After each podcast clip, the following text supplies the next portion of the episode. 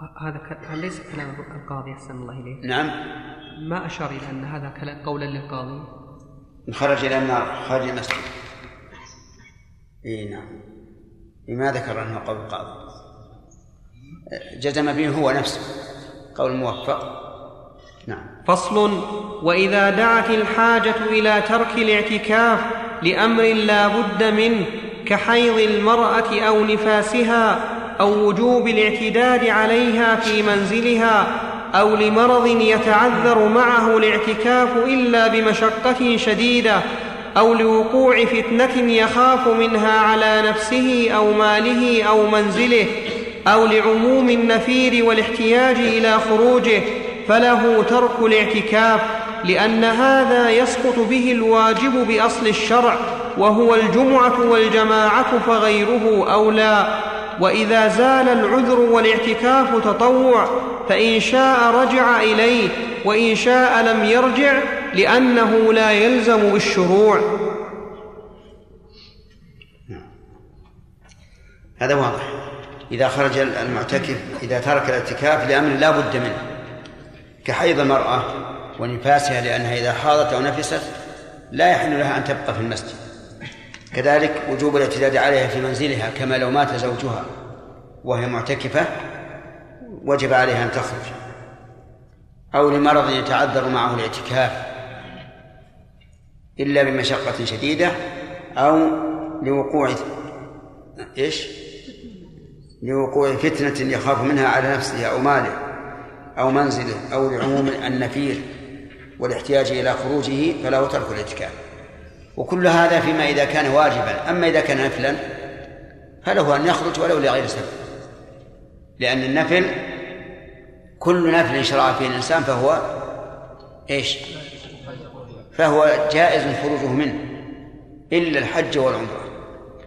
وبناء على هذا نقول إن كلام المؤلف محمول على ما إذا كان الاعتكاف واجبا وهو المنذور لكن يختلف النفل والمنذور بأن المنذور لا يخرج إلا إلا للضرورة. وإذا زالت الضرورة وجب عليه الرجوع ما دامت الأيام باقية. وأما النفل فلا.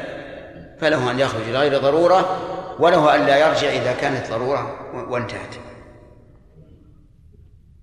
نعم. وإن كان منذورا لم يخل من ثلاثة أحوال أحدها أن يكون نذر أياما معلومة مطلقة فعليه إتمام باقيها حسب لأنه يأتي بالمنذور على وجهه.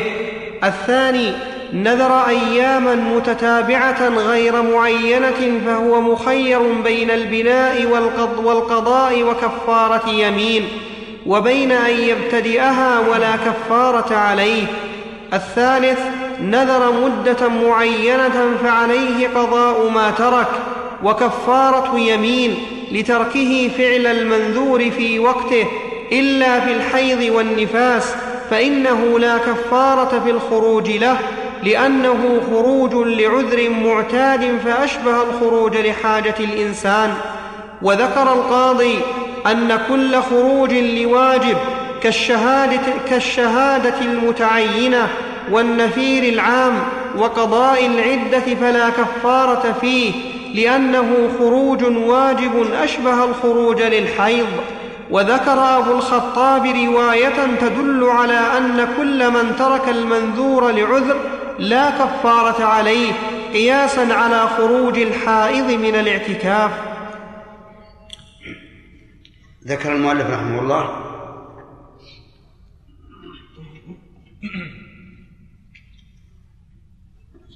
أن الاعتكاف المنذور لا يخلو من ثلاث حالات. أن يكون نذر أيام معلومة مطلقة مثل أن يقول لله علي نذر أن أعتكف عشرة أيام. فقط. ولم يذكر متتابعة ولا غير متتابعة. فهنا إذا خرج فإنه لعذر ثم زال العذر فإنه يكملها. لأنه لا يشترط فيها التتابع. والثاني إذا نظر أياما متتابعة لكن لم يعين وقتها. فهذا يخير بين أن يتم وعليه كفارة يمين وبين أن يبتدئ ولا كفارة عليه. ووجه ذلك أنه إذا أتم فقد أخل بالتتابع والإخلال بالتتابع يجب فيه كفارة يمين.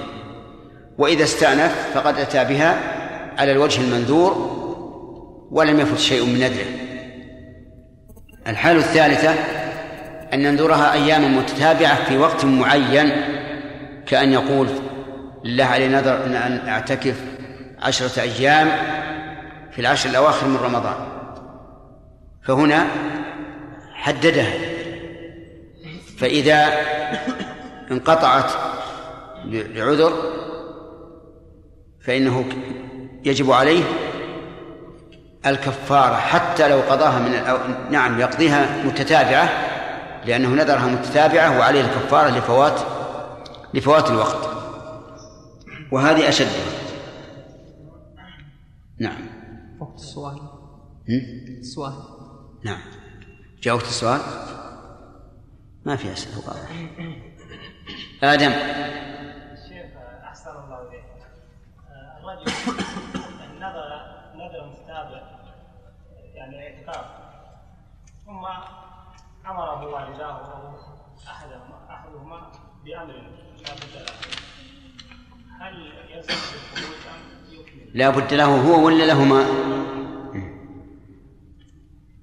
إذا كان هناك ضرورة بمعنى أنه لو لو لم يجب لتضرر بذلك أو هلك وجب عليه الخروج. وإذا كان أمرا معتادا فلا يجب. يقول ما يجب عليه وجب عليه الخروج ثم يعود ولا يقصر؟ كما قال المؤلف هل هي أيام معينة؟ نعم معين. معينة إذن يجب عليه أن أن يعتكف متتابعا ويكفر لخروجه عن الوقت. وهذا كما يكون في في الاعتكاف يكون في الصيام. إذا نذر أياما مطلقة وأفطر يوما منها لعذر أو لغير عذر فإنه يكمل مثل أن يقول الله علي نذر أن أصوم عشرة أيام فقط. ثم أفطر يوما من الأيام نقول كمل ولا ولا عليك لأن هذه أيام مطلقة وحصلت منه. والثاني أن أنذر أيام عشرة أيام متتابعة صيام عشرة أيام متتابعة. ثم يفطر لغير عذر. فهنا نقول له استأنف ولا كفارة عليه لأنه لم يعينها بوقت. وإما أن يعينها بوقت فهذا يلزمه أن يستأنف ويتابع وعليه كفارة يمين لفوات الوقت. نعم. نعم. سطح المسجد إذا بني عليه مسكن يا شيخ هل تزول تبعيته للمسجد؟ أم إنه يقال بالمنع من بناء المساكن فوقه كما قال بعضهم لأنه تابع للمسجد ولا يصح لبس الجنب والحائط فيه؟ لا يجوز أن يبنى فوق المسجد بناء للسكنى لأن الهواء تابع للقرار. لكن لو أن شخصا عمر عمارة ثم جعل أسفلها مسجدا فأعلاها ليس بمسجد إيه هذا أعلاها ليس بمسجد ولا يمكن أن يعتكف فيه بناء على أنها فوق المسجد. نعم. اي نعم شخص يا شيخ اعتكف نفل يا شيخ ثم خرج هل يرجع ويجدد النية أم يتواصل؟ لا أصلا لا لو تواصل وهو خرج العذر ولا الغير عذر؟ لغير عذر خلاص بطل الأول. ما يمكن أن يكمل عليه. وإذا كان لعب يا شيخ؟ إذا كان العذر لا بأس. يرجع بنية الاولى فصل. نعم. ويحرم على المعتكف الوطء لقول الله تعالى ولا تباشروهن وأنتم عاكفون في المساجد فإن وطئ فسد اعتكافه لأن الوطء إذا حرم في العبادة أفسدها كالصوم والحج والعامد والساهي سواء لأن الجماع في العبادة يستوي لأن الجماع في العبادة يستوي عمده وسهوه بدليل الحج والصوم ولا كفارة عليه نص عليه وعنه عليه الكفارة لأنها عبادة يفسدها الوطء فوجب به الكفارة كالحج. وجبت عندي بالتاء. وجبت به الكفارة. وهو التأنيث هنا ليس بواجب. فوجبت به الكفارة كالحج والأول المذهب لأنها عبادة لا تجب بأصل الشرع ولا تلزم بالشروع فلا يجب بإفسادها كفارة. كصوم غير رمضان وهذا ينقض القياس الأول. وخ... يقول مالك رحمه الله إن المعتكف يحرم عليه أن يطعم دليله قول الله تعالى ولا تباشروهن وأنتم عاكفون في المساجد. والمباشرة هي الجماع. فإن جامع فسد اعتكافه لأنه ارتكب منهيا عنه في العبادة بخصوصها فأفسدها. كما لو أكل في الصوم أو تكلم في الصلاة. والعبادة إذا فعل منهيا عنه فيها لخصوص لخصوصها فإنه فإنها تفسد به. فإن كان ساهيا يقول المؤلف ونعم والعامد والساهي سواء لأن الجماع يستوي عمده وسهوه بدليل الحج والصوم. هذا حكم وقياس. لكنه قياس غير مسلم لأن الأصل الذي بني عليه غير مسلم. والقول الراجح في هذه المسألة أن جميع المحظورات في العبادة إذا فعلت سهوا أو جهلا أو إكراها فإنها لا تضر العبادة شيئا. ولا ولا تبطل. وبناء على ذلك نقول للمؤلف إننا لا نسلم لك الأصل الذي قست عليه. وما الدليل على أنه على أن هذا المحظور يستوي فيه العمد والسهو والجهل والعلم؟ فالصواب أنه إذا إذا جامع ناسيا لم يفسد اعتكافه. لكن هذا قد يكون من أندر النادر لأنه لن يجامع في المسجد إنما يتصور الجماع فيما لو خرج لحاجة ثم نسي وجامع زوجته. وهذا أيضا بعيد لأن المتلبس بالاعتكاف سيكون سيكون ذاكرا له فالنسيان بعيد.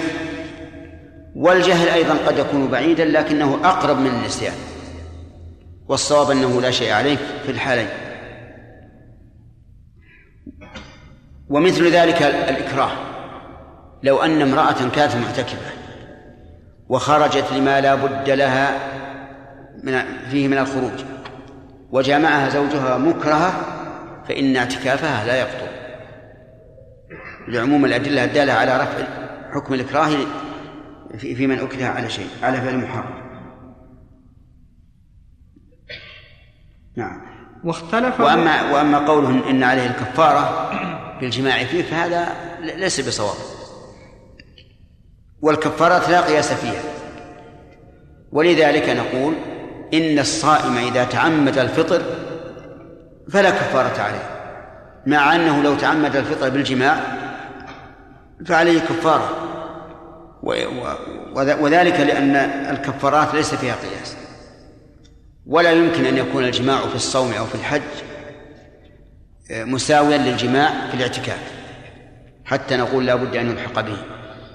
ثم بأي شيء تلحقه أتلحقه بكفار بجماع الحج فتوجب بدنه؟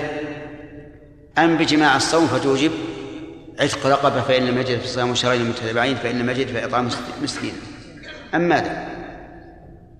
فالصواب أنه لا كفارة عليه حتى لو تعمد فإنه يكون آثما لارتكابه النهي ويفسد اعتكافه وليس عليه كفارة نعم. واختلف موجب الكفارة فيها فقط واختلف. اختلف. عندي واختلف.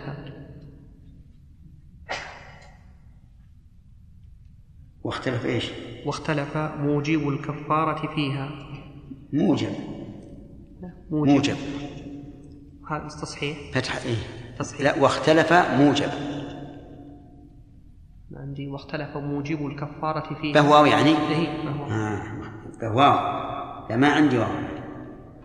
فقال القاضي ثم وعن أبي بكر. إيه لأن عندكم أصح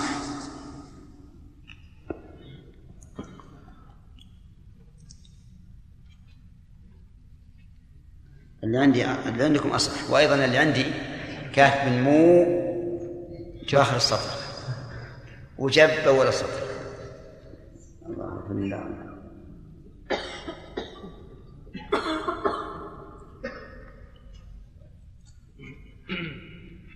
نعم. واختلف موجب الكفارة فيها فقال القاضي هي ككفارة الوطء في رمضان قياسا لها عليها. وعن أبي بكر هي كفارة يمين لأنها كفارة نذر فكانت كفارة يمين كسائر كفاراته. وأما المباشرة فيما دون الفرج فإن كانت لغير شهوة فهي مباحة لأن النبي صلى الله عليه وسلم كان يدني رأسه إلى عائشة فترجله وهو معتكف وإن كانت لشهوة فهي محرمة. لقول عائشة السنة للمعتكف ألا يمس امرأة ولا يباشرها. حديث كان يدني رأسه أخرجه الشيخان. وحديث قول عائشة السنة للمعتكف إسناده صحيح. هكذا قال المحشي. نعم أحسنت. رواه أبو داود. قولها هنا السنة ألا يمس. ليس المراد بالسنة هنا ما يقابل الواجب بل المراد بها السنة الواجب لأنها لأن المراد الطريقة. والسنة تطلق على الطريقة ولو كانت واجبة ومنه قول أنس رضي الله عنه من السنة إذا تجوز البكر على الثيب أقام عندها سبعا ثم قسم. نعم. فإن فعل فأنزل أفسد اعتكافه وإلا فلا. بفسد عندكم أفسد ولا فسد؟ بالاتفاق؟ لأن عندي فسد واللي عندكم صحيح. أفسد يعني أفسد جماع فعله اعتكافه نعم. فإن فعل فأنزل أفسد فإن فعل فأنزل أفسد اعتكافه وإلا فلا. كقولنا في الصوم وإن شرب مسكرا أو ارتد فسد اعتكافه لأنه خرج بذلك عن أن يكون من أهل المسجد. فصار كالخارج منه وكل موضع فسد اعتكاف وكل موضع فسد اعتكافه التطوع. نعم. وكل موضع فسد اعتكافه التطوع فلا قضاء عليه ولا غيره. لأنه لا يلزم بالشروع فهو كصوم النفل. قلت ولا غيره؟ أي نعم. إيه بالرفع. بالرفع. إيه. عرابة نعم نعم نعم. فلا قضاء عليه ولا غيره. لا على الأول لكن مش عرابة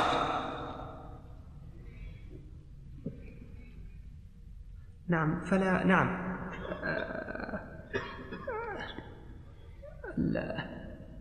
الظاهر والله أعلم أن المعنى فلا يجب قضاء لا مو المعنى ولا الإعراب يعني هذا يكون هذا فاعل لفعل محذوف. لا. إبن مالك وش يقول؟ كلا حول ولا قوة. والثاني جعل مرفوعا أو منصوبا أو مركبا وإن رفعت أولا لا تنصب. إذا كان الأول مبنيا جاز في الثاني ثلاثة أوجه إذا كررت لا. نعم. وكان الأول مبنيا جاز في الثاني ثلاثة أوجه. وإن رفعت الأول جاز فيه وجهان في الثاني. في الثاني. ما هما؟ لا حول ولا قوة. لا حول ولا قوة. أقول لا حول ولا قوة وأقول لا حول ولا قوة وأقول لا حول ولا قوة لا حول ولا قوة. نعم. المهم القاعدة في هذا إذا تكررت لا أن في الجنس فإن فإن بنيت الأول على الفتح جاز في الثاني؟ ثلاث توجه. وإن رفعت الأول جاز في الثاني وجهان. الرفع والنصب. إذا إذا رفع إذا رفعت الأول نعم. جاز في الثاني وجهان البناء والرفع. ولهذا قال إن رفعت أولا لا تنصبه هنا. أحسن الله إليك. لأنه يلزم لأنه لا يلزم بالشروع فهو كصوم النفل وإن كان نذرا متتابعا بطل ما مضى منه واستأنف لأن التتابع وصف في الاعتكاف أمكن أن يأتي به فلزمه كعدة الأيام وإن كان نذره مدة معينة ففيه وجهان أحدهما يبطل ما مضى ويستأنف لأنه اعتكاف متتابع فأشبه المقيد بالتتابع لفظا والثاني لا يبطل الماضي لأن التتابع حسب عندنا ويستأنف كيف؟ عندنا ويستأنف.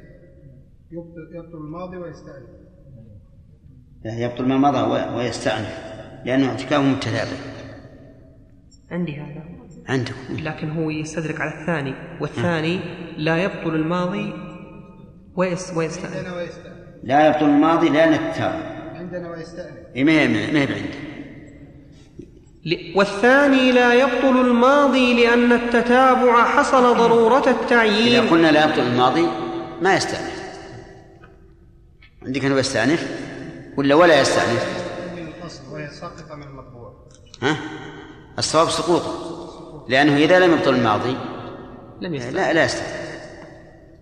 لأن التتابع حصل ضرورة التعيين والتعيين مصرح به في النذر فالمحافظة على المصرح به أولى فعلى هذا يقضي ما أفسده ويتم كما لو أفسده لعذر وعليه كفارة في الوجهين جميعا.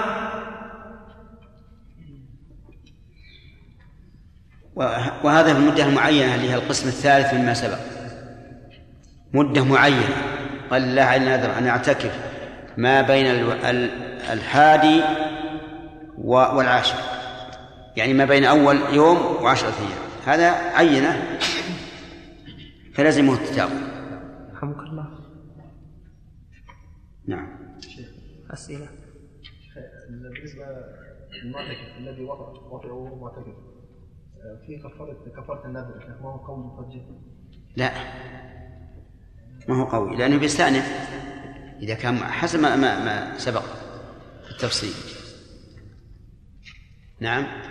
أحسن الله إليك من نذر نذرا آه، نذر صلاة أو اعتكاف أو صوم وعين المدة وعين الوقت الذي سيصوم فيه أو يصلي فتركه عمدا فهل نقول هو كترك صلاة فلا فلا يفعله وعليه إثم؟ لا لا. لا هذاك واجب بأصل الشرع. حدده الشرع. أما هذا فهو الذي حدده بنفسه. نعم.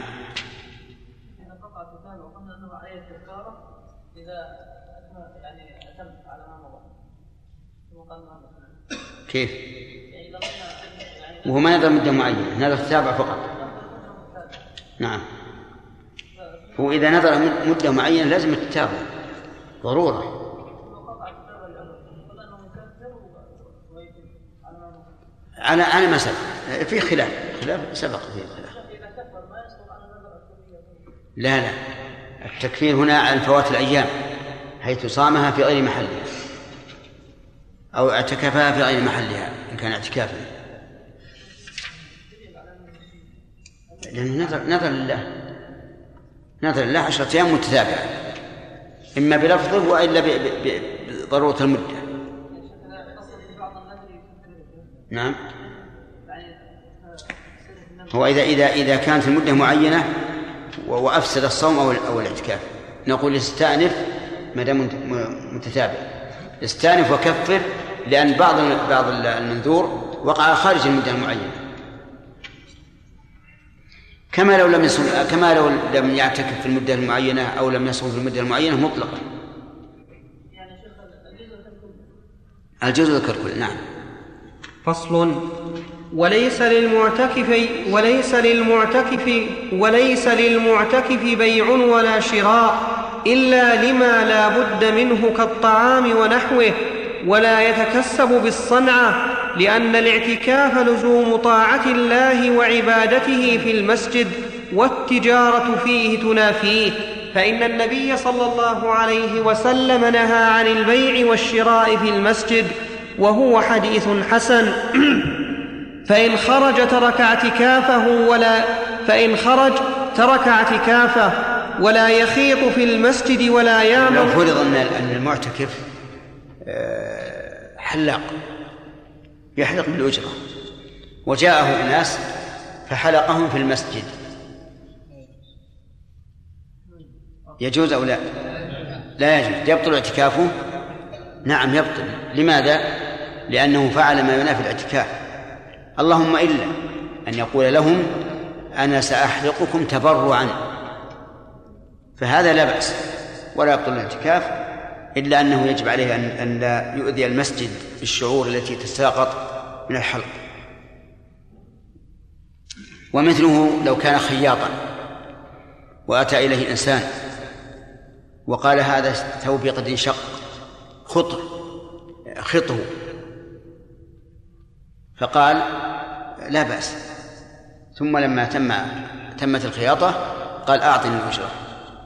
فهذا نقول حرام عليه ويبطل الاعتكاف. أما لو خاطه تبرعا وصدقة وإحسانا فلا بأس. كذلك يبطل حرام في البيع البيع والشراء في المسجد ويبطل الاعتكاف. ما- ما في سؤال. ما في سؤال؟ طيب. فإن خرج ترك اعتكافه ولا يخيط في المسجد ولا يعمل صنعه سواء كان محتاجا إلى ذلك أو لم يكن لأن المسجد لم يبن لذلك. قال أحمد رضي الله عنه في المعتكف يخيط لا ينبغي له أن يعتكف إذا كان يريد أن يعمل. وإن فعل شيئا من ذلك في المسجد لم يفسد اعتكافه لأنه لا ينافيه. فعله يعني بدون أجرة. فلا بأس لأنه لا ينافي الاعتكاف.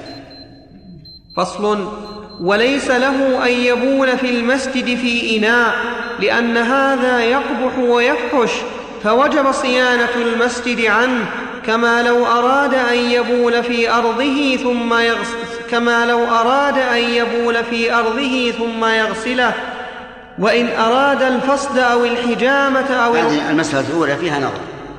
يعني لو فرض الإنسان له حجرة في المسجد حجرة في المسجد واحتاج إلى البول ويشق عليه أن يخرج من المسجد إلى موضع ال- ال- البول وكان عنده إناء فبال فيه فهنا لم يلوث المسجد بشيء ولا ضرر على المسجد فيه وهو أيضا قد يكون محتاجا لذلك أو غير محتاج المهم أن في البول فيه نظر. أما قول مالك رحمه الله أنه يقبح ويفحش فهذا صحيح إذا- أراد أن يبول أمام الناس أو في مكان يصلاهم فهو قبيح لا شك. أما إذا كان في حجرة في المسجد والحجرة قلنا إنها إذا كانت قد أحاط بها المسجد فهي فهي منه. ففيه نظر. وأما قوله كما لو أراد أن يبول في أرضه ثم يغسله فهذا قياس مع الفارق.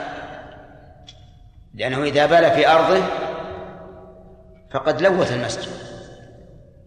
ولا ولا, ولا يناسب لا عقلا ولا شرعا أن أن يلطخ المسجد بالنجاسة ثم يذهب يغسلها نعم. وإن أراد الفصد أو الحجامة أو القيء فيه فهو كذلك لأنه إراقة نجاسة فهو كالبول. وإن دعت إلى ذلك ضرورة خرج من المسجد ففعله كما يخرج لحاجة الإنسان وإن استغنى عنه فليس له فعله. وللمستحاضة الاعتكاف وتحترز بما يمنع تلويث المسجد لما روت عائشة رضي الله عنها قالت اعتكفت مع رسول الله صلى الله عليه اعتكفت مع رسول الله صلى الله عليه وسلم. في المسجد امرأة من نسائه فكانت ترى الحمرة والصفرة وربما وضعت الطشت تحتها وهي تصلي. أخرجه البخاري ولأن هذا لا يمنع الصلاة فلم يمنع فلم يمنع الاعتكاف بخلاف ما قبله. فصل هذا واضح. نعم فصل ويجوز للمعتكف الأكل في المسجد ويضع سفرة أو غيرها يسقط عليها ما يقع منه كي لا يتلوث المسجد ويغسل يده في طست ليفرغ, ليفرغ خارج المسجد ولا يجوز له الخروج لغسل يده لأنه خروج لما له منه بد وله أن يتنظف ويرجل شعره ويغسله لأن النبي صلى الله عليه وسلم كان يفعله وهو معتكف. قال المحشي أخرجه الشيخان. مر علينا هذا. نعم. نعم. ها؟ النبي صلى الله عليه وسلم نهى عن البيع والشراء والشراء. طريق الحديث. حديث نهى عن البيع والشراء في المسجد قال حديث حسن. أي. المؤلف يقول حديث حسن. وأيضا المحشي قال حديث حسن. نعم. إن زاد المحشي فأنا أذكر الزيادة. نعم. وله أن يتطيب ويلبس رفيع الثياب لأن هذه عبادة لا تحرم اللبس فلم فلم فلا تحرم ذلك كالصوم. وله أن يتزوج ويشهد النكاح لذلك. وله أن يحدث غيره ويأمر بحاجته لما روت صفية له ان يتزوج وهو معتكف؟ إي نعم. لأن هذا لا ينافي النكاح لا ينافي الاعتكاف. وعقد النكاح من الأمور المطلوبة. وهذا ربما يحتاج إليه الإنسان مثل أن يكون ولي المرأة يريد أن يسافر من البلد وصادف أن الخاطب معتكف. فهنا يمكن أن يزوجه وهو في المسجد. وإلا في الغالب انه حاجة لا تدعو لذلك. نعم. سؤال. نعم. أسئلة. طيب. إذا وضع في ركن المسجد إذا وضع في ركن المسجد غرفة ولكن بابها بابها ليس إلى المسجد. نعم. هم اتخذوها على أنها ليست المسجد. فهل؟ لكنها في أرض المسجد ولا من أصل بنائه مفصولة؟ لا هي أصلا من أرض المسجد. أي تكون من المسجد. وعلى ذلك يعني يمنع من الشراء ونحو ذلك. إي نعم. نعم. إلا إذا كان من الأصل. يعني لما خططوا المسجد أخرجوا هذا الجانب منه على أنه يكون دكانا مثلا. نعم؟ المؤلف يقول لا يجوز. لأن له من ذلك بدا. لكن قد يقال في بعض الأحيان لا بد له من ذلك. مثل أن يأكل طعاما كثير. كثير الدسم فهذا لا بد أن يخرج. قد لا يكون عنده مناديل والمناديل, أيضا لا تنقي تمام الإنقاء. نعم. يصح يوكل؟ نعم. يصح. وله أن يتزوج ويشهد النكاح لذلك وله أن يحدث غيره ويأمر بحاجته لما روت صفية رضي الله عنها أن رسول الله صلى الله عليه وسلم كان معتكفا فأتيته أزوره ليلا فحدثته ثم قمت لأنقلب فقام معي ليقلبني متفق عليه. في هذا دليل على حسن خلق النبي عليه الصلاة والسلام مع أهله. وقد قال هو صلوات الله وسلامه عليه خيركم خيركم لأهله وأنا خيركم لأهلي. وفيه دليل على جواز تحدث المعتكف مع أهله. لما في ذلك من الإناس وإدخال السرور عليه. وفيه مشروعية القيام مع آه، المغادر ليقربه. تكريما له. ومن ذلك ما يفعله بعض الناس حيث يقوم مع من خرج إلى الباب ويفتحه له. ويستحب له التشاغل بالصلاة والذكر وتلاوة القرآن واجتناب ما, واجتناب ما لا يعنيه من الأقوال والأفعال فإن من حسن إسلام المرء تركه تركه ما لا يعنيه. ويجتنب الجدال ويجتنب الجدال والمراء والسباب والفحش والإكثار من الكلام فإن ذلك مكروه في غير الاعتكاف ففي الاعتكاف الذي هو استشعار بطاعة الله تعالى ولزوم عبادته وبيته أولى. ففي الاعتكاف الذي هو استشعار بطاعة الله تعالى ولزوم عبادته وبيته أولى ولا يبطل الاعتكاف بشيء من ذلك لأنه, لما لأنه لما لم يبطل بمباح الكلام لم يبطل بمحرمه كالصوم. ولأن التحريم هنا ليس خاصا بالاعتكاف تحريم السباب والشتم واللعن والقذف وما أشبهه محرم في الاعتكاف وغيره. والقاعدة أن أن المحرم في نفس العبادة هو الذي يبطلها. وأما المحرم في خارجها فلا يبطلها. فصل. فأما التزام الصمت فليس من شريعة الإسلام لما روى قيس بن مسلم قال دخل أبو بكر الصديق على امرأة من أحمس فرآها لا تتكلم فقال ما لها لا تتكلم؟ فقالوا حجت مصمتة.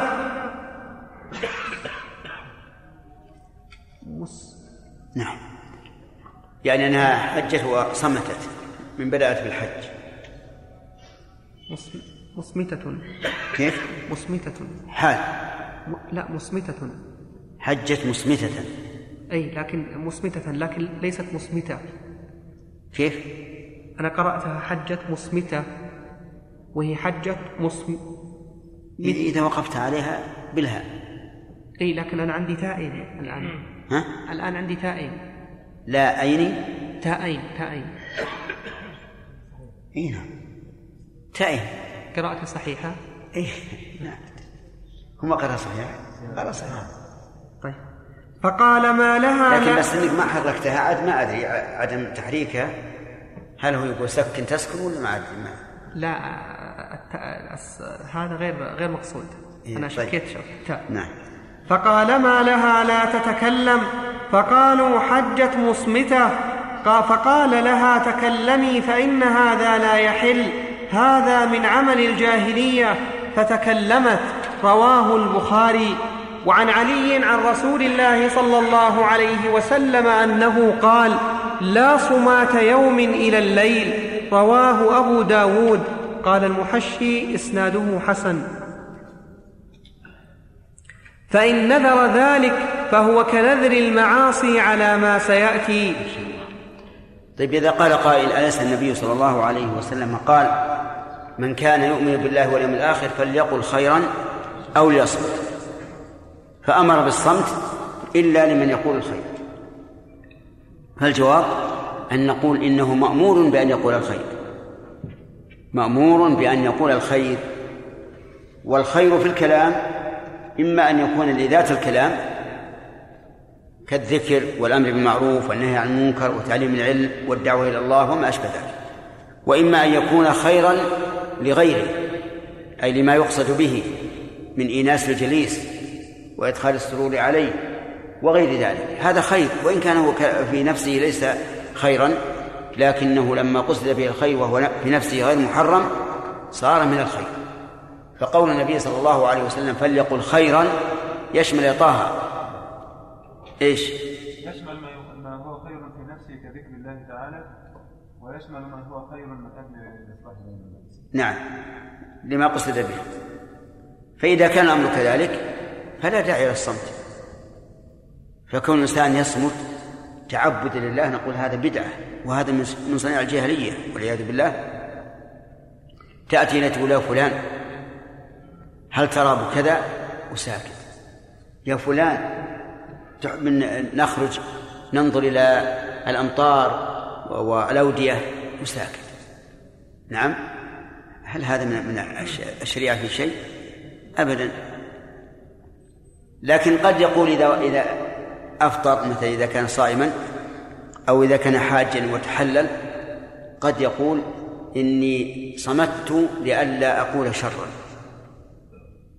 فنقول إنك صمت عن قول خير لأن الرد على أخيك المسلم من الخير لا شك. نعم. قال ابن عقيل ولا يجوز ولا يجوز جعل القرآن بدلا من الكلام.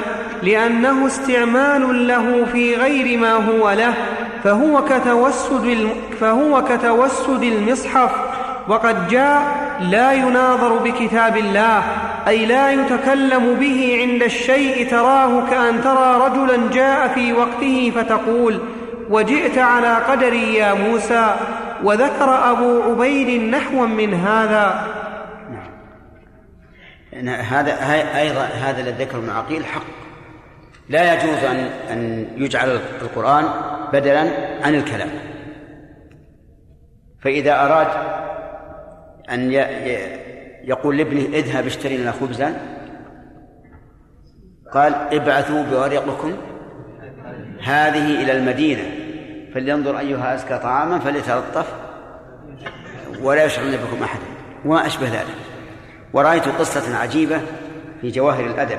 قديما لما كنا صغارا تقريبا صفحة ونصف.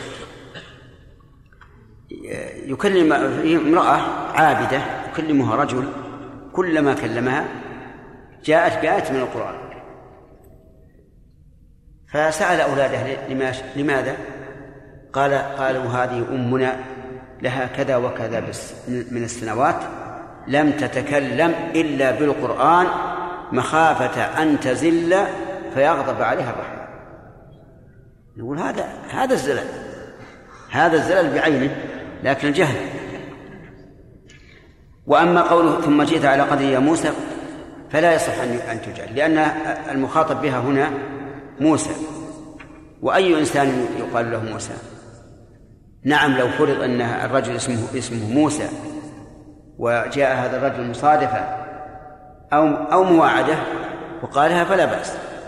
كما استشهد النبي صلى الله عليه وعلى آله وسلم حين جاء الحسن والحسين يعثران بلا بأس لهما فنزل من المنبر وأخذهما وقال صدق الله إنما أموالكم وأولادكم فتنة.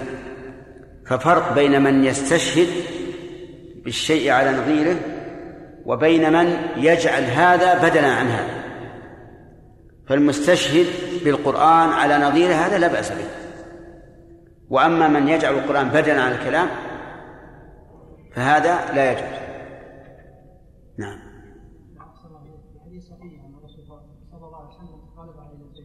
نعم. لا. لا ليس فيه دليل. لأن الرسول قلبها امرأة خرجت في متأخرة من الليل فرأى أن أنه لا بد من الخروج. وربما قد يكون هذه حال خاصة بصفية. لأن بعض النساء ما تستطيع أن تخرج في الليل إطلاقا. نعم. شيخ بارك الله فيكم. وجه التفريق بين المباشرة وتعليقها بالإنزال. وإيش؟ وجه التفريق بين المباشرة وغيرها من من مفسدات الاعتكاف. نعم. بأن علقنا المباشرة بالإنزال. ويعني لا مو بشرط الإنزال. المباشرة التي هي الجماع مو بشرط الإنزال. غير الجماع المباشرة غير الجماع. نعم. لا يشترط فيها الإنسان. لإفساده بلى. المباشرة بدون إنزال وبدون شهوة لا بأس بها. السؤال بارك الله فيكم وجه التفريق بين المباشرة يعني غير الجماع وغيرها من المفسدات كالبيع والشراء معنا في حديث واحد وهو حديث عائشة والخروج من المسجد. ما في إشكال. يعني المباشرة التي ليست ليس فيها إنزال لا تفسد. لا تفسد الاعتكاف كما هو فعل الرسول عليه الصلاة والسلام مع عائشة. هذا هذا من غير شهوة لكن أما المباشرة لشهوه حتى لشهوة ما تفسد كالصائم. نعم. الله أليس النظر إلى السماء في الصلاة محرم يا شيخ؟ أي نعم. القاعدة شيخ وهي أن الفعل محرم في العبادة يبطل إيه. هذه قال بعض العلماء تبطل صلاته. إذا رفع نظره إلى السماء تبطل صلاته. وهذا هو مقتضى القاعدة. لكن جمهور العلماء على أنها لا تفسد وكأنهم قالوا إن هذا من باب ترك الخشوع والخشوع ليس بواجب. لكن القول بأن صلاته تبطل قول قوي لا شك. لأن الرسول صلى الله عليه وسلم اشتد غضبه في ذلك. حتى قال لينتهن أو لتخطفن أبصارهم نعم. فصل. وأما إقراء القرآن وتدريس العلم ومناظرة الفقهاء ومذاكرتهم وكتابة العلم فحكي فيه روايتان. إحداهما يستحب اختارها أبو الخطاب. لأن ذلك أفضل العبادات لتعدي نفعه ويمكن فعله في المسجد فكان مستحبا له كالصلاة. والثانية لا يستحب وهو ظاهر المذهب لأن الاعتكاف عبادة شرط لها المسجد فلم يستحب ذلك فيها كالطواف والصلاة. وعلى هذه الرواية وعلى هذه الرواية فعله لهذه الأمور أفضل من اعتكافه الشاغل عنهما. قال عنها عنها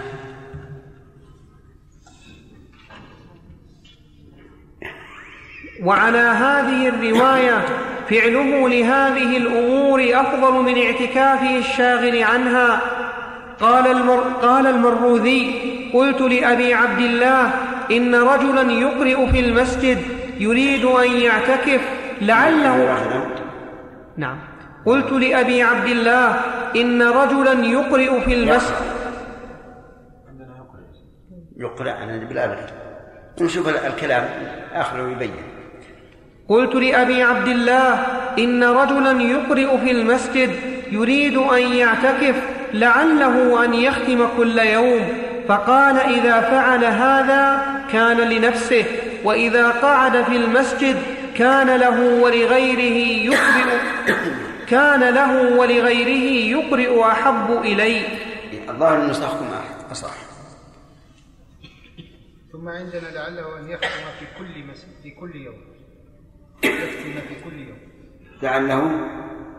لعله أن يختم في كل يوم. بزيادة فيه. إيه، وهي كذلك عندي. ما عنده فلم يختم. ما عندي ليس. معناه متقارب. المهم عندكم إنه يقرئ؟ أي نعم. إن رجلا يقرئ في المسجد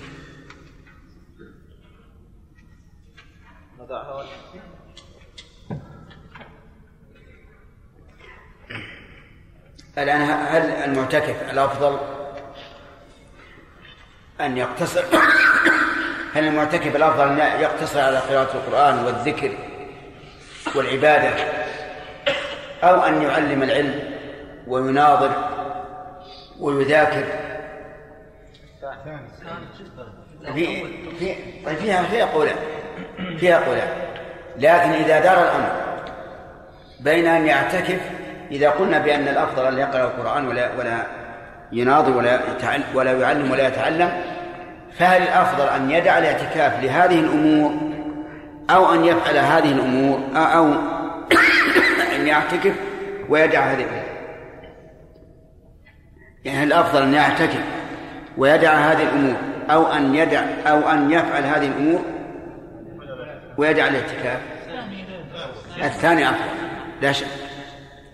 لأن تعليم تعليم العلم أفضل من الاعتكاف. اللهم إلا. أن نريد إحياء سنة مثل أن يكون هذا البلد لا يعرف أهله الاعتكاف ولا يثق بعضهم ببعض لو لو اعتكف. يعني لو اعتكف عامي لم لم يقتدي به الناس ولم يجعلوه أسوة وهذا طالب علم أراد أن يحيي هذه السنة. فنقول لهذا الأفضل أن تعتكف.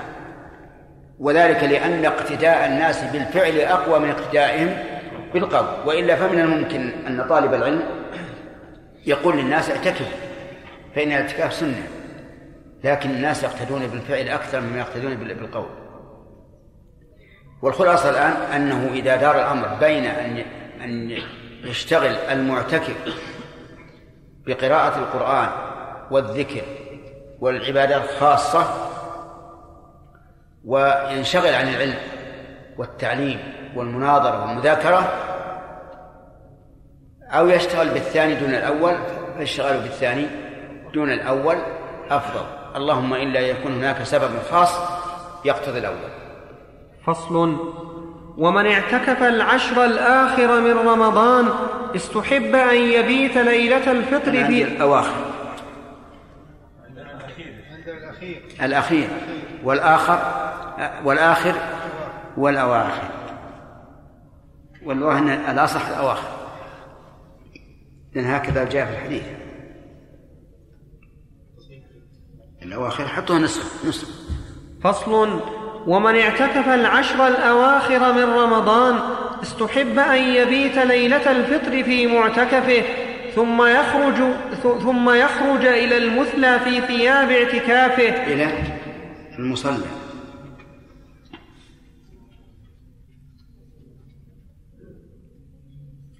ثم يخرج إلى المصلى في ثياب اعتكافه لأن أبا قلابة وأبا بكر بن عبد الرحمن وأبا مجلز والمطلب بن حنطب وإبراهيم النخعي كانوا يستحبون ذلك. ولأنها ليلة تتلو العشر ورد الشرع بالترغيب في قيامها والعبادة فيها فأشبهت ليالي العشر والله سبحانه وتعالى أعلم. هذا الفصل تضمن مسألتين المسألة؟ الأولى هل يستحب أن يبقى ليلة العيد في معتكفه ولا يخرج إلا إلى مصلى العيد؟ والمسألة الثانية هل يخرج إلى العيد متجملا متطيبا أو في ثياب اعتكاف. أما المسألة الأولى فلا دليل عليه إلا فعل إلا هذه الآثار التي ذكرها. والآثار عن التابعين ليست بحجة وبناء على ذلك لو قال إنسان هل الأفضل أن أبقى ليلة العيد في المسجد وهو معتكف أو أن أذهب إلى أهلي في تلك الليلة أستأنس بهم ويستأنسون بي قلنا الثاني أفضل لأنه ليس هناك دليل على استحباب البقاء ليلة العيد. وأما الثانية المسألة الثانية وهي أن يخرج في ثياب اعتكافه فهذا أبعد من الأول. يعني القول باستحبابه أبعد من الأول لأن العيد يسن فيه التجمل.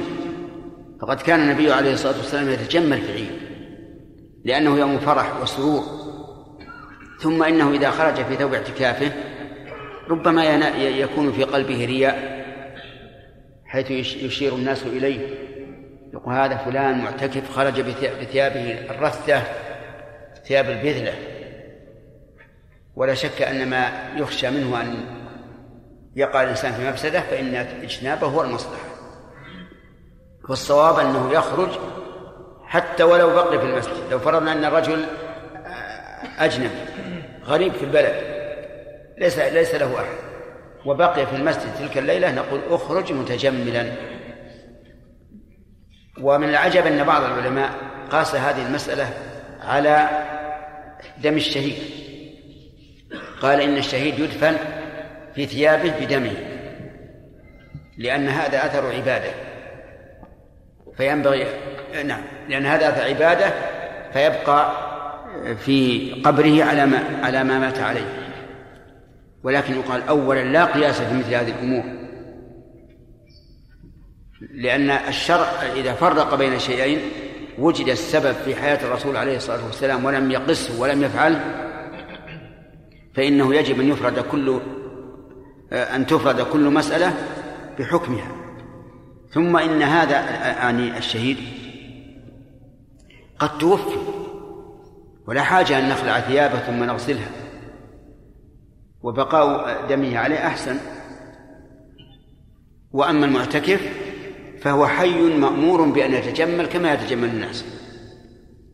ولو قلنا إن آثار العبادة ينبغي أن تبقى لقلنا المحرم أيضا إذا حل التحل الأول ينبغي أن تبقى ثياب الإحرام عليه حتى ينتهي الحج. ولا قائل بذلك. نعم. آدم. طالب علم يعني فتح في المدينة أو في مدينة أخرى يعني في جوار المدينة وفتح فيها يعني معرض للكتاب وأراد أن يذهب يشتغل أي نعم ولم يخرج يعني يخاف أن يغلق المعرض قبل أن ينتهي يعني تقول هل الأفضل أن يكمل اعتكافه أو أن يخرج؟ لا قصدي إذا ذهب هل أي نعم يبطل الاعتكاف لا شك. لأن هذا له منه بد. إذ يمكنه أن يوكل أحد من أصحابه ويشتري له. هل يجوز للمعتكف أن يتحول من من مسجد إلى مسجد في العذر؟ إيش؟ ينتقل من مسجد إلى مسجد؟ لا لا يجوز. يعني مثلا خاف أن يسقط عليه المسجد مثلا؟ لهذا ولا بس ولا وش العذر اللي في ذهنك الآن؟ بس. إيش؟ ها؟ آه خاف من اللصوص. إذا كان هذا المسجد مشهورا باللصوص من الأصل ليش الخوف.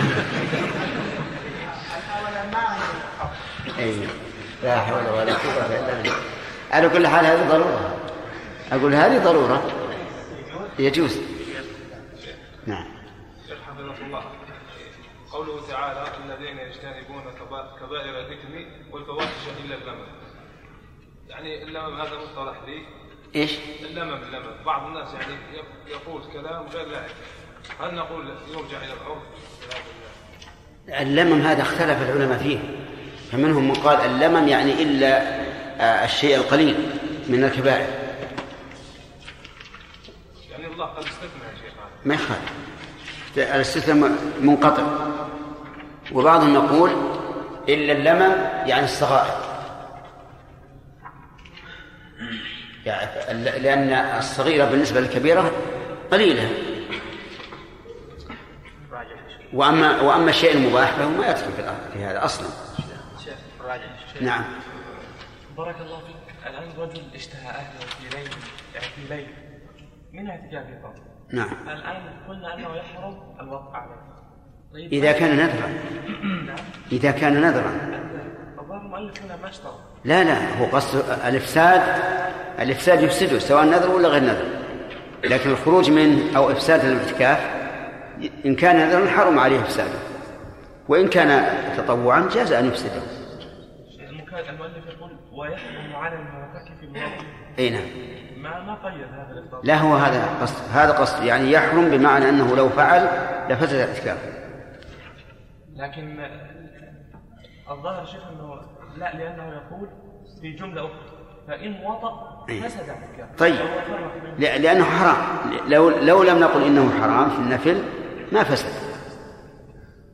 ولهذا ذكر المؤلف في نفس الكتاب أنه إذا كان تطوع فله أن يخرج منه. وش سؤالك الآن؟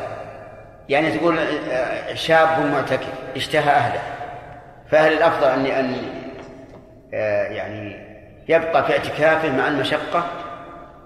أو الأولى أن يخرج إلى أهله ويقضي حاجته؟ الثاني أولى. لأن النكاح أفضل من نوافل العبادة. شيخ نعم. أنا؟ أنت. إذا نذرت الشيخ عشرة أيام تعتكف امرأة نذرت تعتكف معينة نعم. نعم. فحاضت في آخر يوم العاشر نعم. هل نقول اعتكافها تام ولا الظاهر أنه يتم لأن هذا عذر. هذا عذر فإذا مثل ما أنها لو لو صامت عن كفارة مما يجب فيه التتابع وهي كفارة. إذا أفطرت العذر فإنها لا تستأنف تكمل. تقضي يوم الشيخ؟ يوم. نعم. شيخ أحسن الله إليك. آه، أحيانا نعرض الكتاب. يكون للإنسان له بد في الخروج في الخروج إليه. لا سيما إن كان لا يعرف الكتب جيدا هو ولا ولا يأمن الذي يوكله عليه. فهل يصح الخروج حينئذ أو لا بد عليه أن يفترض ويصح تركه هذا له له منه بد كما قلنا. يمكن يوصي إنسان يقول اشتري الكتاب الفلاني. ما الشيخ. ما يأمنه؟ يعني ما يأمنه أن يأتي بالنسخة التي هي كيف ما يأمن وهو صديقه أنا ما أريد أن يمسك واحد في المسجد يقول إش- اشتري كذا. لا بس ما يعرف النسخ كما هي يعني كما هو يعرف. ي- يصفها له طيب هل يشترط يصح له نعم. هل يصح له شرطه بأن هل إيش؟ هل يصح له أن يشترط في الخروج؟ يقول إلا أن يأتي معرض الكتاب معرض الكتاب فأخرج. رب- هذا يصح لأن لأن هذا مقصود شرعي. أما لو كان تاجر مكتبة فإنه لا يصح. نعم. نعم.